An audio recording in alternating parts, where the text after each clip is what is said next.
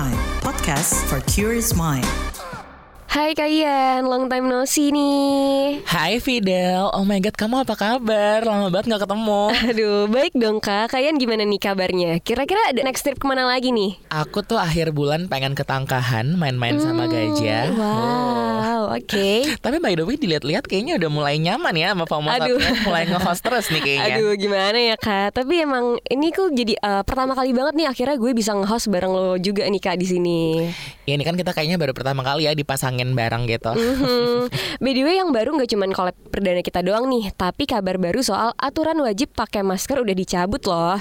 So kita udah bebas masker nih di transportasi umum Misalnya di KRL, MRT, bahkan di pesawat juga loh kak Akhirnya ya nggak ngap-ngapan gitu ya Kita kalau misalnya mau gibah tuh juga bebas Betul banget nih. Jadi nih Sapieners, Kemenhub akhirnya mengeluarkan surat edaran tentang himbauan pelaksanaan protokol kesehatan di dalam sarana dan prasarana angkutan umum pada masa transisi menuju endemi. Dalam surat edaran ini, Kemenhub terbaru itu disebutkan penumpang angkutan umum boleh tidak mengenakan masker apabila dalam kondisi sehat. Namun penumpang dianjurkan tetap memakai masker nih kalau misalkan dalam kondisi sakit juga. I see, berarti kita sekarang udah nggak bisa ya senyum-senyum fake lagi gitu. kalau dulu kan pakai masker kan nggak kelihatan, cuman main di mata doang gitu, say. Tapi kalau misalnya lo sendiri nih, termasuk yang pede atau enggak sih untuk buka masker atau misalnya kayak sekarang tetap ngerasa masker tuh harga mati gitu? Hmm, jujur li kayak udah jadi kebiasaan sih kak kalau buat gue kalau keluar nggak pakai masker kayak, kayak malu gitu nggak sih kak kalau lo sendiri gimana tuh kak? Kan gue kebetulan anaknya emang show tampil banget ya. Oke. Jadi ngapain kita udah capek-capek make up, pakai lipstick kalau ditutup. Jadi Oke. dengan aturan ini kayaknya gue tipe yang sangat happy gitu sebenarnya. Tapi nih ya Sapieners kalau misalkan kita juga udah bebas nggak pakai masker tetap waspada ya. Pastinya. Anyway, kamu lagi dengerin FOMO Sapiens dari Kabar Prime, jalan pintas yang gak bikin kamu ketinggalan berita atau peristiwa di sekitar kamu. Bersama saya Ian Hugen. Dan saya Fidelia.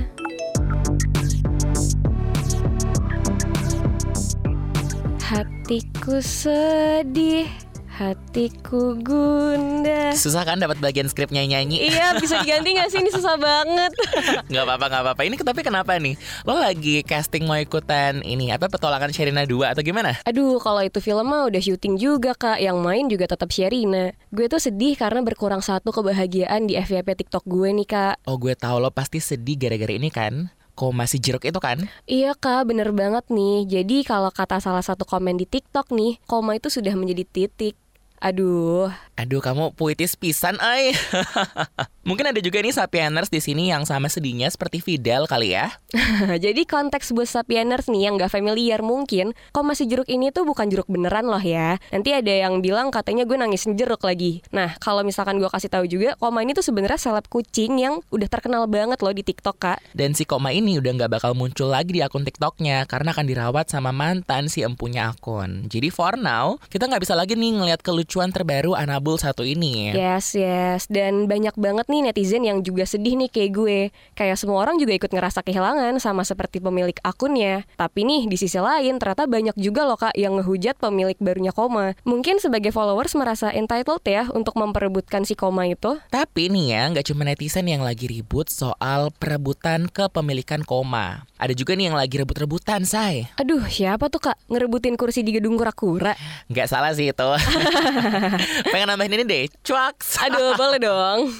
Tapi ya masih relate lah. Sapieners pada sadar nggak sih kalau parpol pada rebut-rebutan nih sosok muda demi gayat para pemilih muda. Hmm. Strategi baru nggak sih kak kayaknya ini Dan pemilih muda itu kan merupakan kelompok pemilih mayoritas di pemilu 2024 nanti nih Dan dari datanya KPU juga Jumlah pemilih muda itu ada sekitar 107 juta orang Atau 53 sampai 55 persen dari total jumlah pemilihnya nanti Pantasan nih ya, mendekati hari H pada bermunculan sejumlah nama anak muda yang bakal ikutan laga pemilu tahun depan. Bobi menantu presiden yang punya niatan mencalonkan diri jadi gubernur Sumatera Utara. Terus ada juga kan yang nyalek kayak Pinka Haprani, anaknya itu loh, ketua DPR Puan Maharani. Terus sampai Manik Margana Mahendra yang kemarin tuh sempat menjabat sebagai ketua BEM UI yang sempat viral karena memimpin demo mahasiswa soal RUU KUHP dan revisi UU KPK. Nah sama yang terbaru dan sempat viral juga nih kak di jaga Twitter Siapa lagi kalau bukan Kaisang Pangarep yang kabarnya akan mencalonkan diri sebagai wali kota Depok nih Bukan wali kota Del, tapi Depok pertama. Oh iya bener tuh kak Nah tapi apakah maksud tweetnya Kaisang siap untuk menggantikan kota Depok biar stop jadi bulan-bulanan netizen nih. Aduh, peace out ya warga Depok. Wow, itu yang anak-anaknya dari ortu yang udah nyemplung di parpol, ini lagi membangun dinasti atau gimana ya?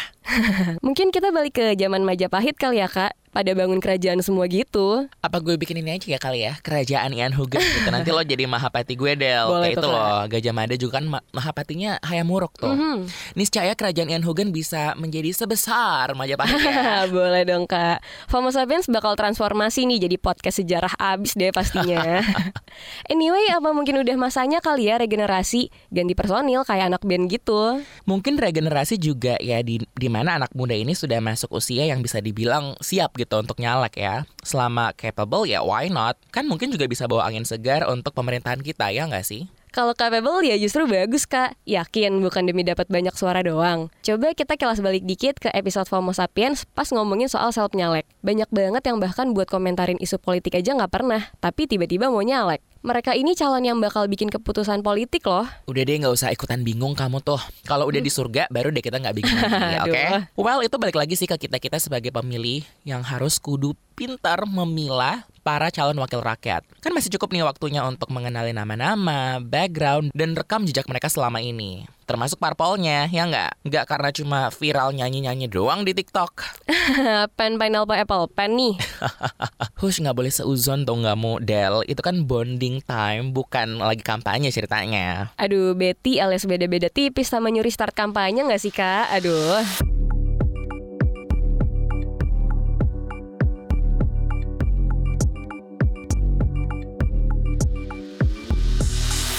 Duh Del, ini hawa-hawa kayak gini kayaknya enak deh kita cari yang seger-seger gitu. Loh, lu kepanasan kak? Masa sih? Padahal lagi enak gini loh, anginnya tuh sepoi-sepoi gitu. Makanya pantengin kabar baik ini dong di FOMO Sapiens. Iya nggak Sapieners? Duh, bisa aja loh. Tapi emangnya ada pegerangan nih, did I miss something? Loh kok tumben FOMO? Hehe, kan udah ada angin segar buat penanganan kasus pelecehan seksual khususnya di tempat kerja kak. Wah, kalau soal itu mah gue nggak boleh FOMO dong ya. Kan baru awal bulan nih, udah terbit aturan bernama Keputusan Menteri Ketenagakerjaan Nomor 88 Tahun 2023 tentang pencegahan dan penanganan kekerasan seksual di tempat kerja.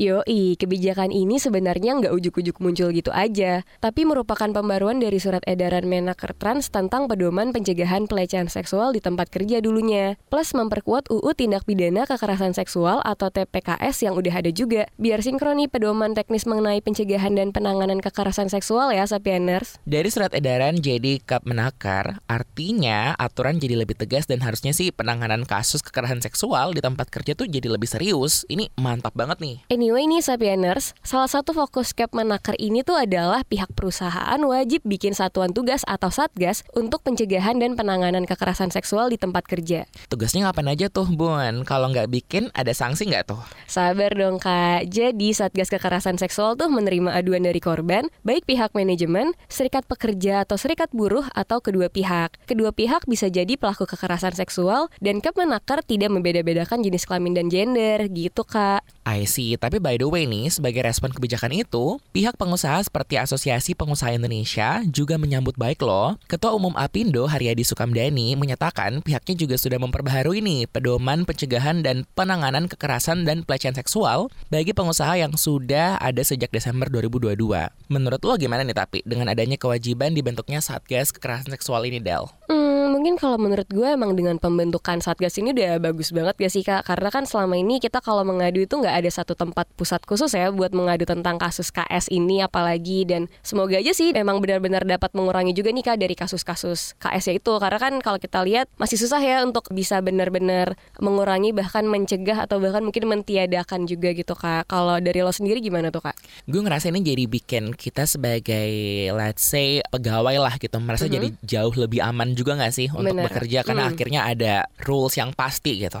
Kita sepakat nih ya perlindungan terhadap para pekerja Indonesia khususnya perempuan dari ancaman kekerasan dan pelecehan seksual di tempat kerja tuh udah urgent banget. Dan Sevener masih ingat gak nih kasus pekerja perempuan di Cikarang yang diajak staycation bosnya demi perpanjang kontrak? Tahun lalu juga ada tuh kasus pelecehan pekerja perempuan di pabrik garmen Jepara. Dan satu lagi ada kasus KS di Kementerian Koperasi. Nah itu yang viral loh ya. Belum lagi kasus KS yang pastinya nggak banyak terekspos juga gitu. Kalau kita ngelihat dari data Badan Pusat Statistik, jumlah perempuan pekerja pada 2022 mencapai 52,74 juta atau setara dengan 38,98 persen dari total pekerja di Indonesia. Apalagi nih ya, ada sejumlah sektor dengan pekerja perempuan yang dominan seperti industri garmen dengan kasus kekerasan seksual yang terbilang tinggi banget. Gimana nggak rentan coba? Survei Organisasi Buruh Internasional tahun 2022 itu menunjukkan sebanyak 70,93 persen pekerja Indonesia pernah mengalami kekerasan dan pelecehan di tempat kerja. Dan sebanyak 72,77 persen responden pernah menyaksikan kekerasan dan pelecehan di tempat kerja juga. Sementara 53,36 persen lainnya menjadi korban sekaligus saksi. Survei ini melibatkan sekitar 1.100-an responden juga. Tapi gue penasaran sih sebenarnya, dunia kerja kan beragam banget nih bidangnya memungkinkan gak sih Satgas KS ini tuh diwujudkan apa pun tempat kerjanya? Misalnya mungkin kayak dunia seni. Gimana coba? Buat ngobrolin ini, kita sudah bersama Koordinator Peneliti Kebijakan Seni dan Budaya Ratri Ninditya. Oke, baik Kak Ratri. Ini kan Kemnaker baru merilis putusan yang mewajibkan perusahaan untuk membentuk Satgas kekerasan seksual di tempat kerja. Gimana nih menurut tanggapan Kak Ratri sendiri? Iya, kalau menurut aku juga sebagai perwakilan koalisi seni kita sangat positif ya terhadap adanya keputusan menteri ini karena sebenarnya ini kan artinya adalah himbauan yang lebih luas lagi gitu ya untuk seluruh pengusaha gitu di seluruh Indonesia untuk mencegah dan menghilangkan segala bentuk kekerasan seksual di tempat kerja gitu ya. Walaupun memang ini bentuknya memang merupakan panduan ya. Kalau aku sih pragmatis aja gitu. Nanti bagaimana panduan ini bisa diadaptasi untuk seluruh bentuk yang namanya pengusaha itu atau seluruh bentuk tempat kerja itu ya. Apakah itu yang sifatnya perusahaan atau itu yang sifatnya misalnya tidak berbadan hukum gitu. Terutama kalau di di seni kan memang ada banyak sekali kerja seni itu ada uh, banyak sekali bentuknya gitu ya. Ada yang dengan kontrak, de uh, tidak dengan kontrak, yang kontraknya juga cuma proyekan doang gitu ya.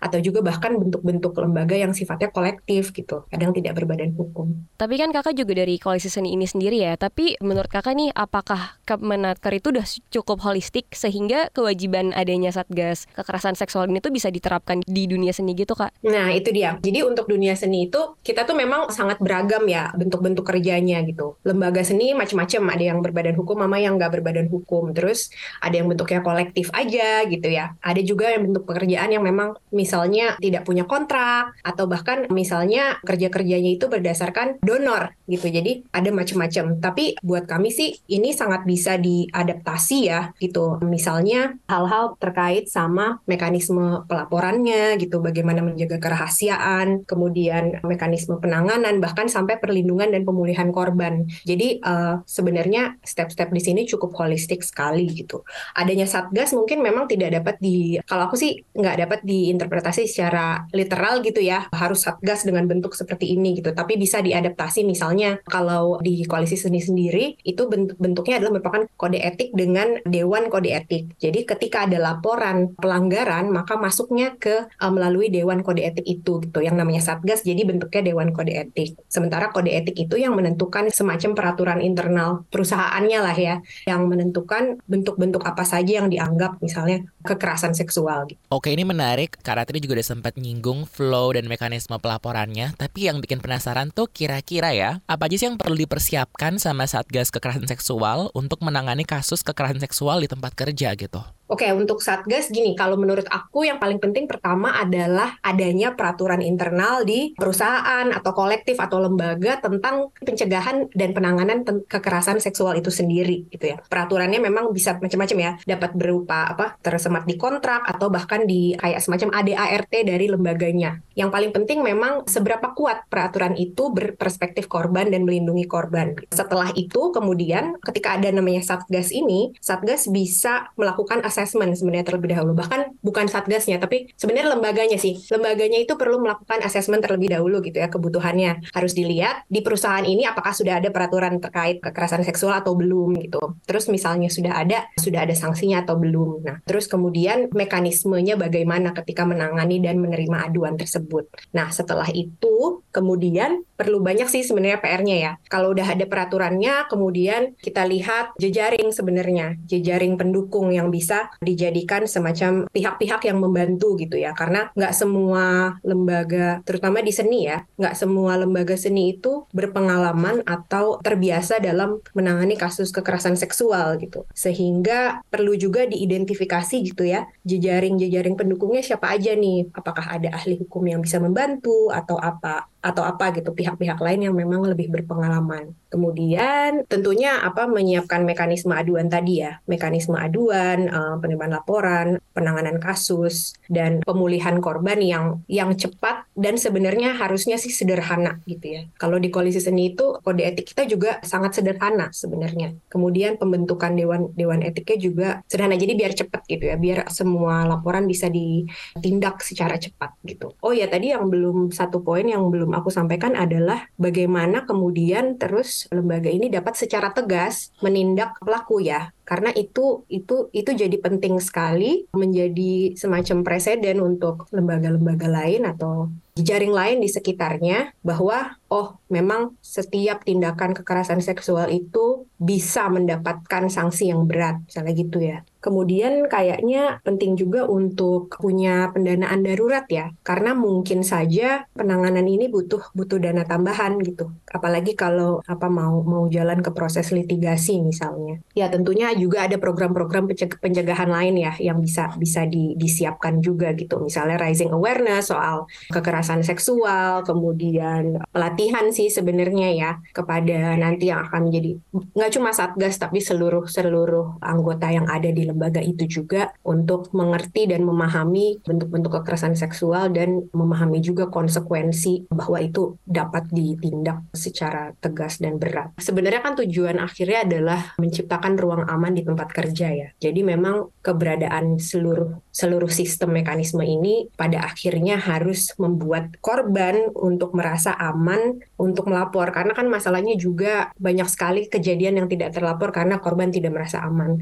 Nah, ketika mekanisme penanganan dilakukan secara rahasia, cepat dan uh, berpihak pada korban, maka korban akan merasa aman dan harapannya juga laporan juga dapat disampaikan gitu. Oke kak, tapi ini menurut Kak Ratri sendiri, kira-kira siapa aja sih yang harus dilibatkan nih untuk menjadi anggota Satgas dari kekerasan seksual itu kak? Sebenarnya kalau secara prinsip apa yang ada di keputusan itu sudah cukup tepat ya. Artinya harus ada keterwakilan dari pihak pemberi kerjanya atau atau perusahaannya gitu. Kemudian ada pihak dari pekerjanya Nah, ini yang menarik kan memang keputusan menteri ini juga membuka ruang kolaborasi sama pemerintah. Cuman memang uh, dalam banyak situasi nggak nggak sepenuhnya atau nggak sesederhana itu bisa dilakukan ya. Tapi itu jadi jadi semacam hal yang penting yang bisa membuat pemerintah juga harus berpartisipasi dalam seluruh upaya pencegahan dan penanganan ini. Kemudian yang harus ada di dalam situ jumlahnya ganjil itu kayaknya udah oke okay gitu ya. Terus uh, mungkin harus mempertimbangkan rasio gender di dalam satgas gitu. Kemudian pengalaman ya pengalaman untuk menangani isu KS-nya sendiri gitu. Mungkin nggak semuanya di dalam situ berpengalaman tapi perlu ada satu at least satu orang gitu ya yang memang sudah pernah berpengalaman untuk menangani kasus tersebut. Paling itu terus kalau misalnya uh, berkaca di koalisi seni Dewan Kode Etik itu biasanya memang juga tiga ada tiga plus ada lembaga independen gitu. Lembaga independen ini biasanya terdiri dari pengawas, pengurus sama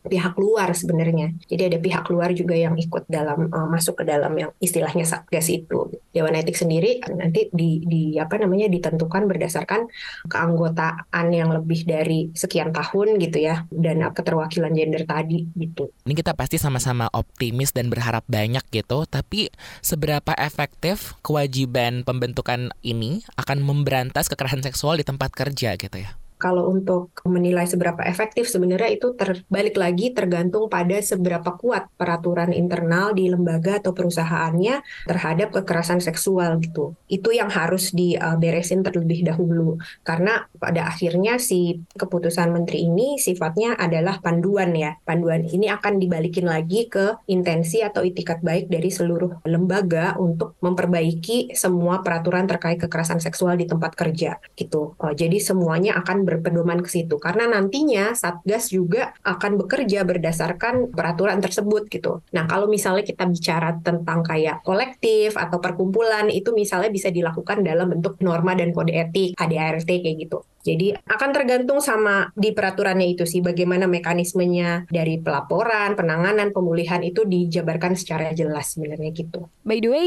relate sama topik Homo sapiens kali ini nih, Sapieners juga bisa ceki-ceki ya salah satu podcast Kabar Prime, ada Predator di ruang kerja. Simak hanya di kabarprime.id dan platform mendengarkan podcast kesayangan kamu.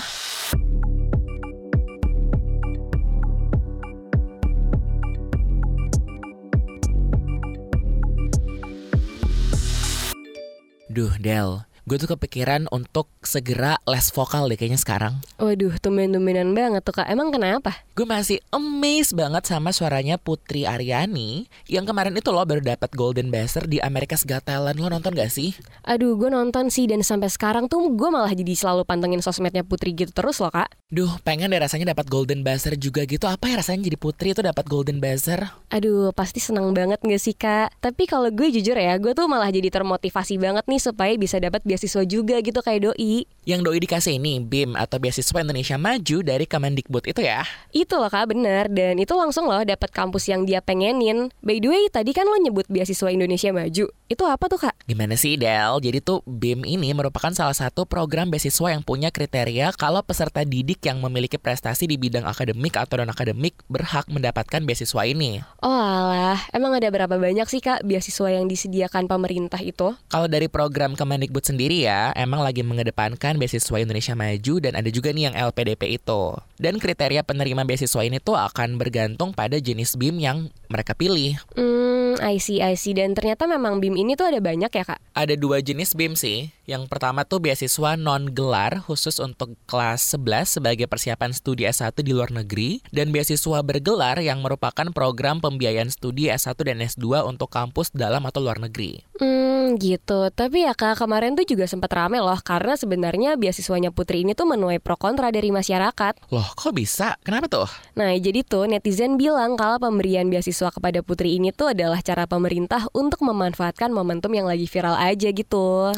Hah, seperti biasa ya, viral dulu baru deh diapresiasi dan diurusin. Nah, pihak yang kontra juga komen kalau seharusnya beasiswa ini diberikan ke peserta didik lain yang lebih membutuhkan. Sampai-sampai ada komentar juga nih, kalau dana yang diberikan untuk beasiswa putri itu sebaiknya diberikan untuk kesejahteraan guru honorer aja. Wait, ini gara-gara doi dan keluarganya bisa ke Amerika itu ya, makanya dianggap kalau mereka tuh berasal dari keluarga yang cukup berada gitu. Nah, itu Kak. Sedangkan nih netizen yang pro dengan beasiswa putri ini tuh berpendapat kalau sebenarnya Putri sah-sah aja kok dapat beasiswa itu. Secara doi kan emang membanggakan Indonesia ya karena bakatnya yang luar biasa. Kalau misalnya dilihat dari kriteria untuk menerima BIM berdasarkan yang gue sebutin tadi, rasanya kayaknya emang wajar banget sih kalau Putri mendapatkan beasiswa tersebut. Karena kan BIM ini juga mencakup peserta didik yang tercatat sebagai finalis atau pemenang pada lomba, kompetisi atau festival tingkat nasional maupun internasional. Hmm, mungkin karena masyarakat nggak ngerasa kali ya ngelihat pelajar lain yang mendapatkan beasiswa itu. Makanya nih banyak banget yang mempertanyakan kenapa beasiswa-beasiswa itu tuh nggak diberikan kepada pelajar yang lebih membutuhkan. Betul, selama ini pun penerima beasiswa dari pemerintah yang terekspos ke media kan pastinya adalah orang-orang yang memang dikenal masyarakat luas. Misalnya nih kayak Maudia Yunda, Tasya Kamila, Alisa Subandono, dan Gita Gutawa yang merupakan penerima dari beasiswa LPDP. Gue yang pengen lanjut S2 ini kapan ya kira-kira bakal dilirik gitu sama Mas Nadim dan tim pembagi beasiswanya? Aduh, semoga segera dilirik ya kak. Tapi nih kak, kalau misalkan gue yang dapat beasiswanya, amin gitu ya. Karena gue kan belum tenar nih, belum terkenal. Ya paling cuman orang-orang di sekitar gue aja yang tahu. Tapi nih kak, menurut lo sendiri, kira-kira siapa sih yang pantas untuk mendapatkan beasiswa-beasiswa itu? Siapa pun yang memang mau bekerja keras untuk mendapatkannya. Ya nggak sih? Mhm. Karena menurut gue ini personal opinion Oke, banget ya. Em, gue tahu orang selalu bilang yang berhak dapat beasiswa itu orang-orang yang gak mampu. Tapi ya siapa tahu aja orang yang memang pada dasarnya privilege kalau dia dapat beasiswa itu dia bisa semakin maju dan pastinya memajukan bangsa. Ya why not gitu loh. Ya nggak sih? Mhm. Tapi lo sendiri gimana Del? Gue setuju banget sih sama lo kak Karena kan kalau dibilang gak mampu atau mampu kan juga tergantung dari orangnya masing-masing ya Dan gak mampu itu kan juga artinya luas nih Dan menurut gue emang semakin gede keinginan lo pengen mengejar sesuatu yang lo pengen pendidikan ya harusnya lo juga makin bisa uh, ngejar itu juga gitu supaya emang apa ya beasiswa tuh nggak cuma terpatok untuk emang orang-orang yang membutuhkan aja tapi ya buat semua orang yang emang benar-benar berjuang di situ gitu. Setuju banget. Berarti emang dapat disimpulkan BIM ini memang dikhususkan untuk pelajar yang berprestasi di bidang tertentu ya. Terus untuk pelajar yang kurang mampu akan mendapatkan beasiswa apa dong? Nah, itu juga kayak yang jadi perdebatan netizen nih ada yang bilang harusnya beasiswa itu emang diberikan untuk pelajar yang membutuhkan aja. Tapi bukannya udah ada Kartu Indonesia Pintar Kuliah ya atau KIPK dan program bidik misi itu, ya kan? Udah ada kak, tapi ya pas eksekusinya malah banyak pengguna KIPK yang malah nunjukin gaya hidup mewah tuh. Aduh, malah jadi salah sasaran ya gitu penerimanya. Sama kayak LPDP kan yang penerimanya pada nggak mau pulang ke tanah air gitu akhirnya. udah nyaman dong gimana tuh kak? Hah, jadi keinget ini deh lagu 420 Zona Nyaman. Keluarlah dari zona, nyaman. Itu dulu buat pekan ini. Saya Ian Hugen. Dan saya Fidelia Indira. Sampai ketemu pekan depan. Bye. Bye.